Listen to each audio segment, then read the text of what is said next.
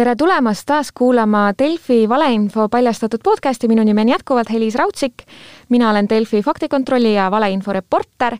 Eh, viimased nädalad me oleme kõvasti podcast'e, mis viimased nädalad, viimased kuud oleme me kõvasti podcast'e vändanud eh, koroona, vaktsiinide, maski kandmise, vandenõuteooriate, kõige selle teemadel. aga täna me hüppame natukene eh, Venemaa teemade peale tagasi, mida me siin oleme mõne kuu eest viimati teinud ja minuga on stuudiosse liitunud Sisekaitseakadeemia teadur Diana Varnot tere, aitäh kutsumast! E, ja Diana on Sisekaitseakadeemia sisejulgeoleku teadur ning ta uurib äh, strateegilist kommunikatsiooni, e, ei vasta tõele, eitab, raputab kõvasti pead. see on vana uurimisteema. nüüd on uued uurimissuunad, nüüd aga on... siis räägi, milles sa, mida sa täpselt seal Sisekaitseakadeemias praegu uurid? nii, ma mõned aastad tagasi uurisin strateegilist kommunikatsiooni ja psühholoogilist kaitset, aga siis tuli väike paus vahele, pereeluline ja tagasi tulles on minu uuteks suundadeks Balti julgeolek ja turvalisus kompleksselt ja mina, ma pean siis täpsustama, et mina olen nooremteadur mm -hmm. akadeemilise aususe huvides ja ma kuulun siis Sisekaitseakadeemia Sisejulgeoleku Instituuti, meil on teised teadurid veel, kes uurivad näiteks terrorismi ja radikaliseerumist, kes uurib digi, ja tehnoloogiast tulenevaid ohte, siis äh, konkreetselt Vene infosõda on ka uurimissuunaks ja, ja instituudi all on muidugi ka õppetegevus, mis meil on seal õiguse sotsiaalteaduste keskus ja noh, lisaks veel akadeemia teistele kolledžitele, et äh, seda täpsustust vist ei ole rohkem vaja vist. tänase põhjus, miks äh, sa minuga siin liitusid, on tegelikult äh, seotud ühe põhjaliku uuringu, raportiga, mis andis, mille andis välja NATO strateegilise kommunikatsioonikeskus Riias. ja kõigepealt võib-olla taustaks äh, kuulajatele tahakski nagu selgitust, et, et mida see äh, NATO strateegilise kommunikatsioonikeskus Riias teeb, et et see, mis paistab välja kõikidele tudengitele või, või lihtsalt asjahuvilistele, mitte eks valdkonna ekspertidele või, või süvenenult äh, valdkonna professionaalidele, on see, et nad kirjutavad hästi palju uuringuid hästi paljudel erinevatel teemadel ning mingisuguseid artikleid ja raporteid. et mis see täpselt siis oli, see uuring, mis sa kirjutasid ning kuidas äh,, kuidas sa sinna sattusid üldse seda kirjutama, kuidas sinna Riiga saab asju kirjutada? Mm. -hmm. no NATO strateegilise kommunikatsiooni keskus minu teadmist mööda võideldi lätlaste enda poolt välja sinna, kuna Balti riigid on olnud Venemaa mõjutus- ja infomõjutustegevuse eesrinnas rohkem kui teised Euroopa riigid ja see oli nagu asjakohane koht, kus olla ja meil oli juba Eestis oma küberkompetentsikeskus olemas, NATO küber, et meil noh, siia see ei saanud tulla enam. aga kuidas ma sinna sattusin, äh, sinna ma sattusin pooljuhuslikult, et sinna seal oli käimas projekt, mis uuris siis Põhja- ja Balti riikide, et Vene info mõjutustegevust Põhja- ja Balti riikides konkreetselt, see oli niisugune mitmeaastane projekt, kus siis Eesti töögrupist oli kutsutud inimene Kaitseväest, kes too hetk ei saanud minna ja siis läksin mina nagu asendajana sinna. Ja alguses ma olin seal küll asendaja, aga seal teisel kohtumisel pöördus siis seal kohalik uurija, Läti uurija Jeva Beržina minu poole, et kas ma sooviksin teha akadeemia alt siis sellist uuringut, et mis puudutab siis äh, Vene neid narratiive, mida kasutatakse äh, RT-s, mis oli kunagi Russia Today, äh, Sputnikus ingliskeelses ja Vierveis ja, ja siis rääkisime oma tollase ülemusega Ivo Juurveega läbi, kes oli instituudi juhataja siis, ja otsustasime, et kindlasti haarame võimalusest ja, ja teeme. ja peale seda siis oli siis kaks tuhat seitseteist tegime kaks tuhat kuusteist aasta kohta uuringu ja siis läks mõni aasta vahet, et siis me tegime juba kaks tuhat üheksateist, tegime uuringu kaks tuhat kaheksateist aasta oma, et oli see jätku-uuring ja siis, kui Ivo oli juba edasi liikunud Kaitseuuringute Keskusesse, et siis tegime taas koostööd, aga sealt tuleb tõesti väga palju materjale ja sealt noh, sealt sinna koondub põhiliselt üle maailma kõik need inimesed, kes on huvitunud. Ja see ei ole ainult Vene infosõda, seal on ju täpselt samamoodi need religioossed asjad ja, ja islami mingisugune propaganda ja mis iganes veel, et äh, noh, niisugune noh, noh, ainulaadne koht, kus ennast avaldada ja, ja siin, et äh, noh, keskus, kuhu koondub mm -hmm. täpselt selle valdkonna teema. soovitus on siis ühesõnaga kõikidel asjahuvilistel silma peal hoida, seda teeme ka meie, aga ja seda tehes ka meie sattusime siis selle narratiivide uuringu peale, millest me täna rääkima hakkame. ja võib-olla nagu narratiiv kui selline, et Vene infosõja narratiivid on nagu hästi äh, lai mõiste, mida korrutatakse meedias, mida räägitakse, ministrid räägivad, Riigikogu liikmed, et need narratiivid on mingisugused korduvad ja aina esinevad asjad, mis on justkui ohtlikud. Alustaks siis nagu, keriks natuke tagasi, et teeks seda tausta, teeks selle tausta selgeks, et mis asi see narratiiv üldse selline on, mis temas sisaldub ning miks on korduv narratiiv üleüldse ohtlik mm? -hmm. mina räägin praegu väga konkreetselt sellest infosõja kontekstist ja narratiivi võib siis mõtestada kui lihtsalt lugu. et tal on oma algus, tal on oma niisugune jätk ja lõpp ja põhjus-tagajärg seos, ta on niisugune kompaktne tervik, et kui sa räägid näiteks ühte osa sellest, oskad sa juba kokku viia,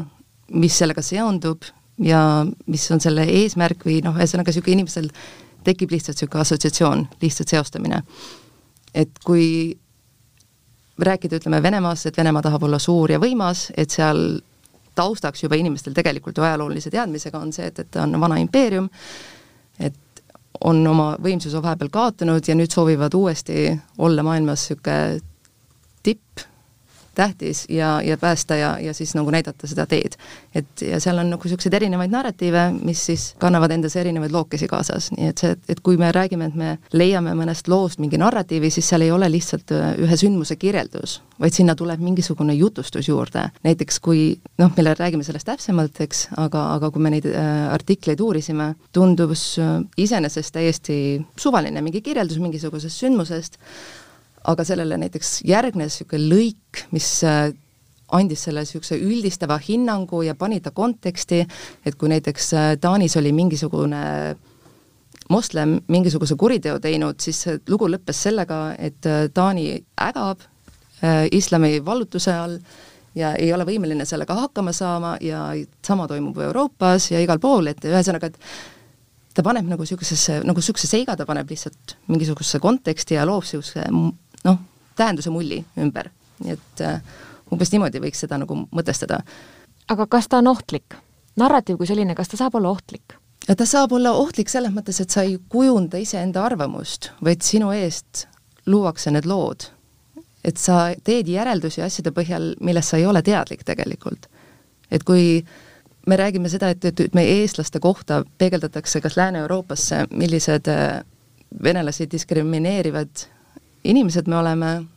siis noh, igapäevaelus me teame, et see ei ole ju niimoodi või vähemalt eestlased ei taju, ei näe seda, et nad igapäevaselt teeksid seda. või kui tohutult natsilembelised me oleme, noh ja see ju väga ärritab loomulikult Lääne-Euroopat arusaadavatel põhjustel ja me jälle ise teame, et see ei ole nii. nii et nendel jälle kujuneb mingisugune kummaline arusaam meist kui niisugusest noh, rassistlikust tigedast natsiriigist, eks mina olen Venemaal elanud ja mitte üldse il-, ammu, vaid see oli eelmisel aastal, kui ma Venemaal elasin ja mina kohtasin neid narratiive väga hästi toimivat, milline väike kuri nats ma olen just nende osas ja miks ma sinna üldse ronisin neid provo-, provotseerima sinna Venemaa südamesse. ja, ja seetõttu ma küsingi see võib-olla seda, et, et kas need narratiivid on pigem suunatud venelastele endale Venemaa sees või väljaspool elavatele siis noh, Pribaltikale siin või, või, või hoopis kuskile Lääne-Euroopale? absoluutselt igale poole absoluutselt igale poole. on narratiivid, mis on nagu venekeelses meedias, mis on venelastele endale, et kujundada o, nagu arusaama, kui ohtlikust läänest, kui ohtlikust NATO-st, kui ohtlikust Ameerikast, absoluutselt on, on ähm, narratiivid siis, mis on nagu konkreetselt näiteks eestlastele mõeldud ja noh, Baltikumis me noh, nad vaatavad meid rohkem tegelikult kui Baltikumi nagu ühte tervikut, eks ja samamoodi siis eh, noh, nad, seda on ju Lääne-Euroopas ja kus iganes, et, et kus iganes neil see RT ja et Sputnik on, et vastavalt sellele kohale, sellele keelele, sinna sellele auditooriumile tehakse erinevaid asju. nii, aga lähme nüüd siis ikkagi nende narratiivide enda juurde ilmselgelt alustame sellest Eestist, et eestlast huvitab see, et nad ei taha kuulda mitte midagi sellist, et Baltikum on üks tükk, aga noh, võtame täna, et on eriti Läti ja Eesti on üks tükk, sellepärast et meil on need vene vähemus äh, osakaal suurem kui näiteks Leedus, et meid käsitletakse vist rohkem ühes tükis, oleme õigesti aru saanud asjast? no ma ütlen, et meie ju uurisime konkreetselt Sputnik Internationali ingliskeelset varianti, nii et, et maailmale peegeldatakse meid kui tervikut mm. -hmm. Ehm, millised need peamised siis äh, lood narratiivid on, mis siinkandis äh, hästi kanda kinnitavad ning justkui siis Venemaa poolt vaadatuna töötavad? no see on see, kuidas nemad tahavad peegeldada meid välismaailmale. Ja eks ta meile on see teada, meile on see vana teema, see on olnud äh, peale suurt Isamaasõda ja see on olnud üheksakümnendates, et meile on see tuttav, aga no sisuliselt see, et, et me ei austa suure Isamaasõja võitu, Venemaa panust Teises maailmasõjas, kuidas me tahame ajalugu ümber kirjutada ja me oleme ikkagi noh, Saksamaa pooldajad, Natsi-Saksamaa pooldajad ikkagi fašistlikud, me diskrimineerime, noh, kõik niisugused noh, asjad, mis meile on nii teada ja tuntud. ja, ja noh, teine asi, mis äh, nagu rääkis ja proovis siis peegeldada nagu seda, et kuidas äh, NATO näiteks on ohtlik, kuidas NATO kujutab suurt ohtu Venemaale, kuidas NATO piirab Venemaa ümber ja tekitab niisuguse ussi sisuliselt ümber Venemaa, et siis kokkuvõttes alustada kas kolmandat maailmasõda ja ja võtta Venemaa mingisugused maavarad kõik ära ja, ja mis iganes. Ja, ja noh, seal oli see kerge niisugune vahe ka, ütleme kaks tuhat kuusteist oli agressiivsem suhtumine ja Eesti ja Läti ja Leedu, need läksid täpselt sinna ühte, sinna NATO patta, kes kõik ohustavad ja kes on tohutult ohtlikud, eks aga, aga see no, ajas on nagu mingisugused, ma ei, ma ei tea, mis põhjustel on asjad muutunud, igal juhul kaks tuhat kaheksateist oli see nagu lähenemine teistsugune, et äh, proovitakse, prooviti just nagu siis äh, nende materjalide põhjal nagu selgus, et prooviti näidata seda NATO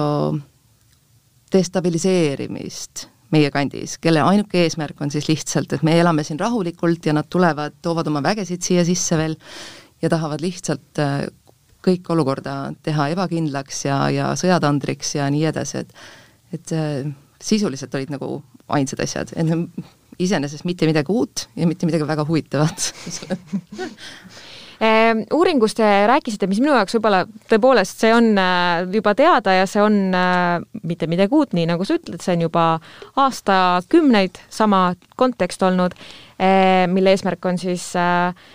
kallutada meid äh, mitte lääne poole liikumast, aga mis minu jaoks oli huvitav või mille peale võib-olla eksperdid on äh, ju ka samamoodi, ammu ei ole huvitav sinu jaoks, oli see, et et see, mida te tõite välja Põhjala riikide kohta, noh, Soome ja, ja Rootsi ja Norra ja Taani ja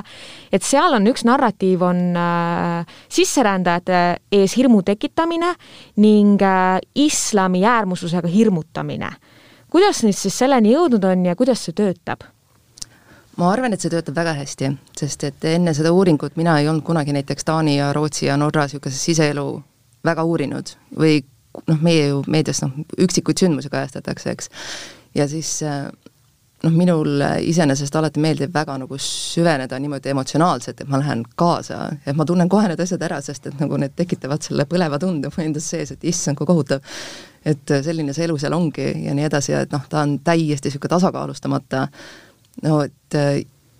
noh, Taani eriti, et seal eh, kokkuvõttes kõiki neid asju, mida ma lugesin, mis mulle valimisse sattus, ongi see, et, et see riik eh, sisuliselt on moslemite kontrolli all, seal lihtsalt riigil, riik on abitu, jõuetu ja noh, muidugi need sisserändajad ja moslemid, need on ju enam-vähem ühele pulgale toodud, et mitte, et seal oleks nagu Ida-Euroopast kedagi või et need oleksid nagu väga ohtlikud või et äh, mingisugused kuritegevus oleks nagu nende põhjal esile toodud. ja, ja Rootsi kohta ju sisuliselt samamoodi, et noh, noh, seal ongi niimoodi, et me teame, et jah, seal on, et seal on sisserändajaid ja, ja seal, kus on nagu palju moslemeid, kui neil tekivad mingisugused omad kohad, et seal on ka neid elemente kes võib-olla radikaliseeruvad ja nii edasi, et noh, need, need kõik on olemas, on ju, aga see ei, ei anna mitte mingisugust alust üldistada seda kogu riigile ja kogu rahvale ja see on see, mida, mida nad oma lugudega teevad. et su järeldus saab olla ainult seda, et seal ongi kõik niimoodi. et seal lihtsalt mitte midagi muud ei toimu, see on ära islamiseeritud, see on oma nii-öelda põlisrahval pole enam mingisugust kohta seal, kõik töötavad selle nimel, et oma suurte sotsiaalmaksude näol maksta toetusi pagulastele ja riik ainult kutsub neid juurde ja laseb neid sisse ja, ja lihtsalt nii ongi. et, et põhimõtteliselt ta näitab seda tohutut üüberliberaalset ja nõrka riiki. See on nagu kogu selle minu arust eesmärk, et need riigid, kes ei suuda ei kaitsta oma rahvast, ei oma mingisugust ühiskondlikku korda, oma traditsioone, nad ei suuda mitte kuidagi mitte millegi eest seista, et ongi võõrvallutajad sisuliselt tulnud, ennast sisse seadnud ja näitavad kõikidele kohanib kätte. kas me ei saa öelda, et see on tegelikult olnud väga tõhus narratiiv, sellepärast et ka Eestis ju on teatavad kanalid, mis äh, meile seda sisu samamoodi sisse toovad, millised äh, getod on kujunenud Stockholmi äärelinnadest ja kuidas äh, äh, Kopenhaageni lähistel käib hirmus sisserändajate poolne kohalike vägistamine, kas iseenesest see on ju tõhus olnud, kui seda juba imporditakse meile sisse mm? -hmm. noh, eks ta, eks ta on vist ja seal on ju jälle, see võib-olla räägib üldse ajakirjanduse nagu poolsest tööst samuti, et noh, ütleme, et kui sa äh, Rootsi kohta väga midagi muud ei kuule ja sealt tulevad lihtsalt ühed markantsemad näited, eks, et äh, või jäetakse näiteks, või noh, teine asi minu arust on see, mis tehakse, et jäetakse just meil meedias kajastamata mingisugused sündmused, mis toimuvad, mis ongi võib-olla, noh, seal ongi ju loomulikult mingisuguseid rahutusi olnud ja nii edasi, aga et, et see kuidagi näitab, vaata, et meie meedia jälle ei taha seda esile tuua, et nagu varjab seda ja nii edasi, et nagu, et need, kes vähegi kalduvad nagu sinna alternatiivsete arusaamade ja allikate poole, nad leiavad ju kinnitust sellest asjast. ja seal ongi vist see, et, et kui väga inimesed siis viitsivad ise tööd teha, et noh, see ongi tõhus, kui see on ainuke asi, mida sa kuuled, aga nagu kui enda seda kriitilist meelt jääb väheks, et kas sa siis lähed ja uurid veel, mis seal nagu toimub, et kas sa viitsid, kas see on tegelikult nii oluline su jaoks, et sa teeksid endale selge, mis, selgeks, mis Taanis või, või Rootsis või Norras toimub, kas nagu tegelikult sind huvitab või sa kujundad oma suvalise arvamuse mingisuguse üksiku näite põhjal või noh, ühesõnaga seal on kindlasti neid noh, rahutuste perioode pikemalt olnud, on ju aga, aga, aga kus, mis riigi muudes osades toimub, on ju, et kuidas näiteks korrakaitse nende asjadega on hakkama saanud, kas nad on mingisuguseid seadusi muutnud selle põhjal või et kas seal on midagi mm -hmm. nagu toimumas, mingid tasakaalustavad nagu faktorid mm. -hmm nii et ta on tõhus niisugustele, noh, ma ei tea, kuidas ma ütlen, ma ütlen hästi halvasti praegu, hästi halvasti, aga vaimselt laiskadele inimestele. nii et, et aga noh no,, neile töötab iga asi mm. -hmm. aga lihtsalt sellega ma tahaks jõuda nagu sellise nagu mm, kohati remargini, kohati küsimuseni, et kui meile on tegelikult, kui meile, eestlastele, me oleme ju nii infosõjast ja hübriidsõja ohtudest teadlikud, eh, kui meile saab seda jumala südamerahus Rootsis sisse tuua, siis tegelikult ka seda meie natsipesa narratiivi tõenäoliselt see levib päris hästi ka Lääne-Euroopas. no miks mitte, et noh, kui, kui ei ole põhjust nagu Eestist ja Lätist äh, põhimõtteliselt muu, muus aspektist rääkida, kui ainult niisugused võib-olla mingid no mis meil siin väga nagu toimub, on ju, mis huvitab suurriike mm, -hmm. nii et, et kui meid peegeldatakse väga kindlast vaatenurgast, siis ma arvan, et see on ikkagi tõhus, jah, loomulikult mm. -hmm. E, aga kas see noh, ütlesite ultraliberaalne või hüp, hüp, hüperliberaalse maailmavaate, ühesõnaga, et selle näitamine, kuivõrd läbiimbunud on need riigid, Skandinaavia riigid liberaalsusest, kas see on midagi sellist, mida võiks ka tegelikult Eestis ja Baltikumis varsti märkama hakata, et ka lisa, täiendava narratiivina just tänaste päeva uudiste kontekstis?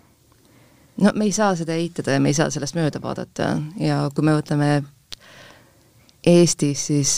nii EKRE kui võib-olla meil niisugused katoliiklikud, kristlikud suunad esindavad ju väga tugevalt. Noh, see on minu arusaam, eks, et niisugust patriarhaalset väärtussüsteemi, niisugust maailmakorda, kus igal sool on oma kindel väljund, igal nagu perekonnaliikmel on nagu oma kindel koht, oma kindel roll, eks, et see lihtsalt noh, jah, nad esindavad ju tegelikult sarnast nagu maailmavaadet, et see on niisugune nagu kristlikele väärtustele, kristlikele pereväärtustele tuginev maailm. ja kui seda hakata kuidagi lammutama, noh, eriti veel mingite vähemuste poolt, et peaksid enamused hakkama ümber joonduma mingite vähemuste kapriiside või soovide või tahtmiste järgi, noh, seal ongi vaata niisugused et tehakse ju need nagu järgmise mõttesammud edasi, et praegu nad tahavad nagu ühte asja, see tundub mida iganes, aga varsti me peame hakkama mingisugust neli er,, nelja erinevat sugu tunnistama või rohkemgi veel, eks. ja siis noh, ütleme see liberaalne üks on nagu, mis puudutab seda seksuaalvähemusi, aga kui me räägime usulistest vähe, vähemustest, siis et kus noh, näiteks Rootsis on nagu tuldud vastu sisuliselt sellega, et, et sa ei tohi nagu kristlikku jõule mingites kohtades tähistada, et see kuidagi diskrimineerib ja nii edasi. et tahetakse nagu väga teistele vastu tulla, teiste kultuurikandjatele ja esindajatele ja, ja siis sellepärast astutakse ise neid samme tagasi. ja noh, mis puudutab seda ultraliberaalse vastasust, mis meil on ka need esindajad ja need pooled on olemas, siis noh, eks nad näevadki seda, et see on nagu, kui sa paar sammu edasi vaatad, siis meil lihtsalt meie ühiskond, meie kultuur, meil kõik kaovad ja nemad lihtsalt kaitsevad, noh, see on asjad, mida nad oma arust kaitsevad, et ühed näevad seal mingisugust hukku, mingisugust lõppu, mingit täielikku kaost ja teised arvavad, et noh, et seal ei ohtu midagi, et nagu mis, lihtsalt lähme edasi nagu läheme, on ju, et et mm, -hmm. no see on see tõdemus, millest tegelikult on teada, et noh, need äh, noh, need maailmavaatelised organisatsioonid, äh, väljaanded, erakonnad, mis Eestis tegutsevad, neil on vene, venelaste infosõjaga väga palju kattuvaid jooni küsimus on lihtsalt selles, et äh, palju need siis ka Venemaale tegelikult äh, häid trumpe kätte mängivad, kuivõrd need äh, organisatsioonid pole ennast ka liiga palju teadlikult distantseerinud Venemaa kasuks töötamisest? no mina ei julgeks nii niisuguseid järeldusi tõmmata, et kui neil on kattuvaid momente, et nad on seotud otseselt Venemaaga ja Venemaa tegevusega mm, -hmm. pigem on see, et, et see on lihtsalt niisugune maailm ma täpsustan, et ma ei mõelnud seda, et nad teadlikult Venemaa Kremli kasuks töötavad, aga see, et nad võib-olla teadlikult, nad teavad, et need narratiivid on ju samasugused, nagu me just järeldasime. aga nad usuvad seda, see ongi mm -hmm. see vahe. et lihtsalt, et see ei ole tõenäoliselt nende jaoks mingi argument, et Venemaa räägib sama juttu, järelikult meie ei tohi rääkida seda mm. -hmm. et see on nende maailmavaade, see ongi lihtsalt selline, nagu ta on ja nad kaitsevad neid väärtusi ja kui nad kattuvad juhuslikult täpselt niisuguse noh, õigeusu kristliku Venemaa väärtustega, siis see on, see on lihtsalt vana maailm, mis on edasi tulnud ja neid on muudes kohtades kui kogu Venemaal. nii et mina ei, noh, ei taha alati teha seda järeldust, et kõik töötavad Venemaa kasuks, vaid lihtsalt seal on kattuvaid momente ja inimesed ei pea ennast alati minu arust Venemaa järgi ümber reastama, sest et ka neil on oma õigused, eks mm. -hmm nii, aga lähme ikkagi korraks nende islami äärmusluse ja nende narratiivideni tagasi mis seal äh, Skandinaavias siis levivad, kas seal on midagi veel, mida me võiksime nagu näha ka samuti tõenäoliselt varsti siin Baltikumi kandis aina enam kanda ja pead tõstmas? jätsime midagi välja? ma ei oska öelda, sellepärast et äh, meil on lihtsalt erinevad õigussüsteemid. Äh, meil on juba praegu täiesti erinev immigratsioonipoliitika, meil on juba praegu täiesti ikkagi erinev niisugune usuline taust ja, ja, ja juba niisugune ühiskondlik vastupanu. ta, ja mis on kogu aeg olemas olnud, meil on see ajalooline taust on erinev ja meie vastuvõtlikkus niisuguste asjade suhtes on erinev, nii et ma arvan, et meil ei ole nagu alust arvata, et meid ootavad samasugused probleemid ees. ja, ja seda ei olnud ka näha, et neid asju ei toodud välja, seda asju, et noh, et kui mingisugused sündmused toimusid, siis sellele anti mingisugune tõlgendus, pandi mingisugusesse konteksti, aga, aga Eesti, Läti, Leedu puhul seda otseselt nagu näha ei olnud. ja mis otseselt oligi noh, väga palju oli neid lugusid põhimõtteliselt siis, kuidas radikaalsed moslemid ühiskonda õõnestavad siis täpselt samamoodi, kuidas nagu immigrandid suruvad lihtsalt riigi põlvili. aga noh, läbiv oli muidugi NATO, eks, et ähm, naeruvääristati, mõnitati, näidati kui ebatõhus äh, kui niisugused totakad a la kuskile Norra õppustele saadeti mingisugused lõu-, lõunaeurooplased enam-vähem mingisugustes mitte talvevarustuses enam-vähem, et niisuguseid äh, markantsemaid seiku toodi muidugi mõnuga välja ja siis äh, noh, Rootsit ja Soomet siis hirmutatakse põhimõtteliselt, et äh, me oleme head sõbrad, ütleme, no Rootsiga ei ole, aga Soomega, et me oleme head sõbrad, et ei tohi üldse sinnapoole vaadatagi, et me oleme väga head partnerid ja NATO on halb ja, ja te ei taha sinna ei lähe sinna ja nii edasi, et aga, aga midagi, et nagu üle kanda seda, ma ei, ma seda otsest nagu seost ei näeks, et oleks võimalik mm. -hmm ma tean, et äh, see uuring konkreetne lõppes aastaga kaks tuhat kaheksateist, mhm. vahepeal on äh, tulnud kätte Covidi pandeemia ja ma tean, et äh, see ei ole midagi, mida sa konkreetselt uurid, aga ikkagi, kas sa oskad tuua ikkagi nendest narratiividest, mida on Venemaa saanud Covidi najal üles ehitada, näiteid? Absoluutselt mitte, sest et kuna see on faktikontrolli saade, siis ma ei taha spekuleerida. et seda peab lihtsalt ju uurima ja see on see, et, et sa ei saa ju seda paari artikli põhjal mm -hmm. öelda, sa pead seda tegelikult nagu süsteem, süsteemselt ikkagi neid asju vaatama. nii et, et seda ma kahjuks ei ole va nagu vaadanud ja igapäevaselt ma ei loe tegelikult ka Sputnikut või RT-d, et äh, ja, ja see on ikka väga suur töö, et hakata kuskilt vaatama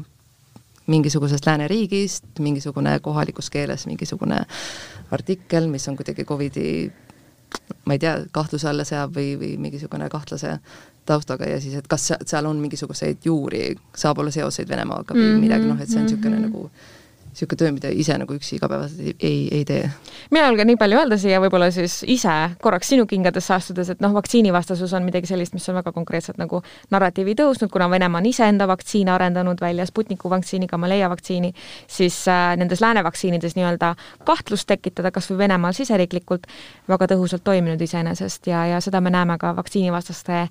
Eh, esile kerkimist äh, aina enam. aga see selleks, sellest ma tean, uuritakse, sellega tegeletakse, kindlasti me teeme ka saate sellest, aga samas ma tahaks korra lihtsalt nagu teist külge nagu esile tõsta, et äh, et seda vaktsiini vastasust ju võib täiesti vabalt ka meie enda igapäevameediast hakata esile kerkima või noh, et sellest tingitud, ajendatud, et infost, mis tegelikult nagu meie mm -hmm. meediast tuleb lihtsalt, sest et mina olen ka neid asju noh, aastaid jälginud mm -hmm. ja ma olen väga suur vandenõude huviline lihtsalt, et äh, mul on niisugune varasem haridus on ka religiooniantropoloogia mm -hmm. ja siis on küsimus, et miks inimesed usuvad, mida nad usuvad ja nii edasi, et see on mind alati huvitanud. ja, ja ma mõtlen, et kui seda nüüd külje pealt vaadata, siis äh, või kõrvalt, meil ei ole kunagi nagu avalikus ruumis olnud isegi diskussiooni sellest, et mingi vaktsiin võiks ohtlik olla aga nüüd on ju tegelikult, et äh, meil on ikkagi ju juttu sellest, et meil on väga palju erinevaid vaktsiine tulemas, et kellele need sobivad, kellele ei sobi, et kui isegi Irja Lutsar on öelnud, oh, et ta veel mõtleb, millist ta kasutab, noh, et tavalise inimesena sa hakkad juba siis nagu mõtlema, et hmm, miks siis kõike ei kasuta. et kui Irja Lutsar ei tea, siis mida nagu mida mina peaksin mõtlema ja, ja, ja, ja, mm -hmm. kui tema veel ei ole veel otsustanud, et tal on vist arvamus, mida ta umbes võtab või ei võta, nagu noh, et järelikult siis kõik ei ole nagu päris ohutud, eks. ja samamoodi, et noh, kui kõik vaktsiinid on ohutud, noh et siis nagu Venemaal ju ei ole, et no neil on mingisugune vaktsiin, mida ei julge meil siin mitte keegi endale lasta süstida, noh et seal on nagu muud asjad minu arust hakanud nagu esile kerkima või näiteks see, mis seal Britis oli ka, et kellele seal mingi kaks anafülaktilist mingi šokki tekkis ja nii edasi, et meil on lihtsalt esimest korda on igapäevameedias juba näha, et kõikidel võib-olla ei sobigi, et nagu seal ongi mingisuguseid ohtlikke momente, et äh, võib-olla seal on mingisugused inimesed, kes saavad Venemaalt oma mingisuguseid arvamusi, aga, aga ma arvan, et me teeme ise ka päris head tööd selleks kõhkluse tekitamiseks hmm,. päris huvitav tähelepanek ähm,. Võib-olla see natuke meenutab seda, millest me enne rääkisime, nende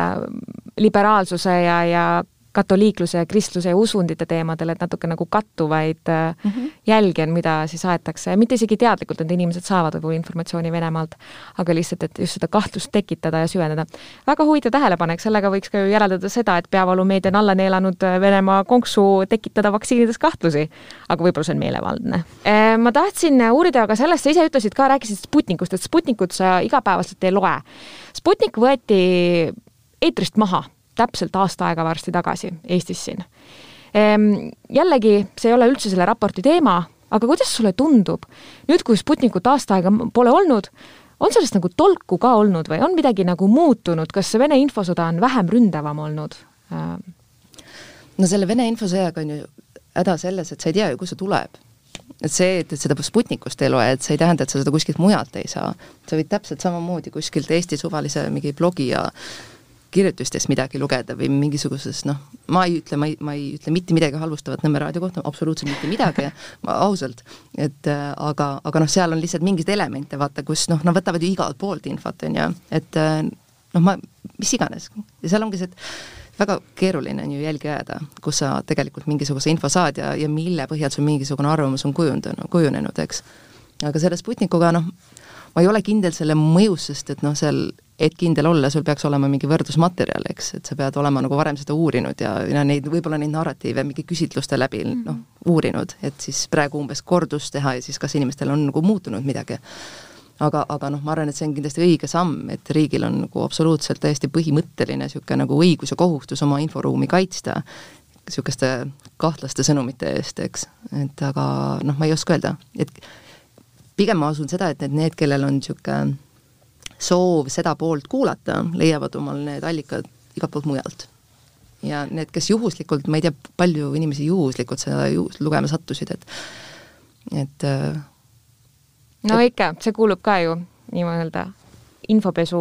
tööriistade sekka, et see allikas pestakse läbi erinevate vahekanalite puhtaks ja see satub ka peavoolumeediasse iseenesest on sattunud. jaa, aga, aga seal ongi see, et, et seda on ju, seda, seda saab ka teiste nurkade alt tuua mm. -hmm. nii et see on niisugune, no mis, mis ta on, kaheksa peaga madu või kes iganes hüdra. hüdra, jah ehm,. aga sellega ma lihtsalt tahtsingi jõuda selle võib-olla sobiva lõpuküsimuseni ka nüüd faktikontrolli kontekstis ja see, mida me siin muidu oleme teinud viimase poole aasta vältel, on see, et et me tõepoolest, me ei leia neid valeinfot, me ei korja telekanalitest nagu Pervõi kanal või, või, või mm, -hmm. või Sputniku Internationali või RT Internationali kanal, vaid me korjame seda üles internetist ja sotsiaalmeediast. et kas need narratiivid ju iseenesest levivad ka internetis, kui, kuidas üldse nende vastu siis võidelda saaks või kuidas seda teha?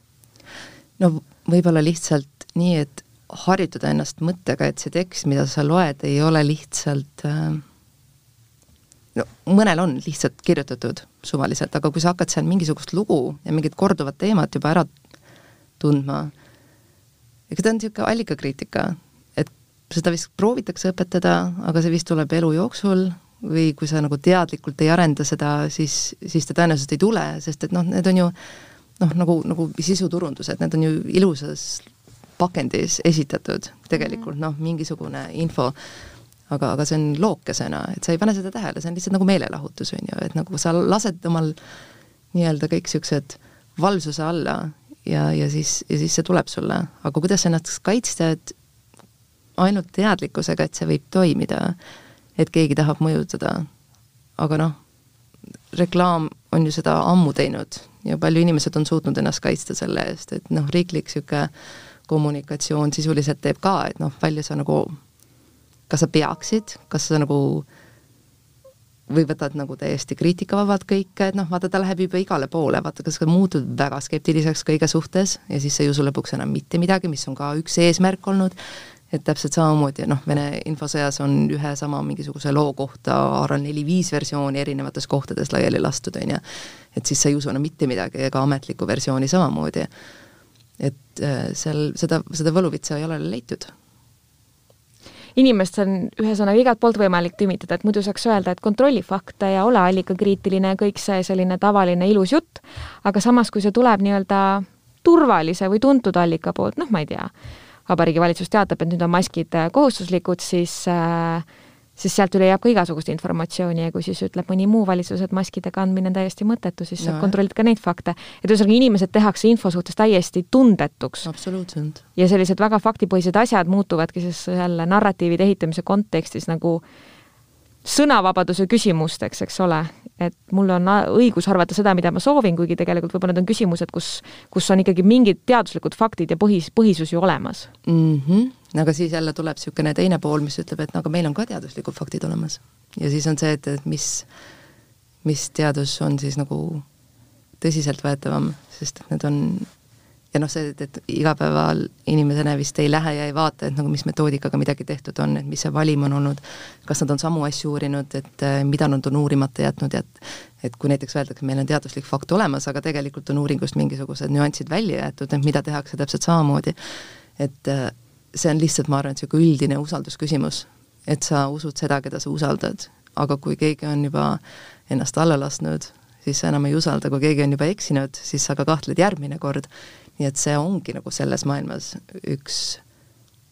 noh, hirmutav, et sa ei usu mitte kedagi tegelikult, sa ei usu oma riiki, sa ei usu oma spetsialiste, sa ei usalda ennast ka, sest et seda infot on nii palju, et sul ei ole nagu seda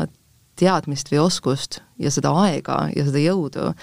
et jõuda selle päris tõeni välja, vaid sul on vaja mhm. igapäevaelu ka elada mm. -hmm. nii et noh, ja ma arvan, et võib-olla kõigi eest ei tasugi võidelda, et tuleb lihtsalt teha nii head oma tööd, kui saad ja, ja need inimesed, kes äh, viitsivad ja tahavad, need on kaitstud, kes ei jaksa ennast kaitsta, siis sa ei saa nende eest seda ka ära teha see on üsna jällegi kurb tõdemus, millega saadet lõpetama jääda, et kõigi eest ei saa võidelda või ei tasu võidelda. ma loodan, et äh, päriselt ikkagi me püüame võidelda, vähemalt äh, Eestis siin ühtse, ühtse ja aru vähemalt välisvaenlase osas kõik ühele poole vaadates ähm,. aitäh sulle, Diana, mul oli väga põnev vestlus sinuga täna ja ilusat jõuluaega! tänan, sinulegi! ja kuulmiseni siis äh, meie podcasti kuulajatega juba pärast jõule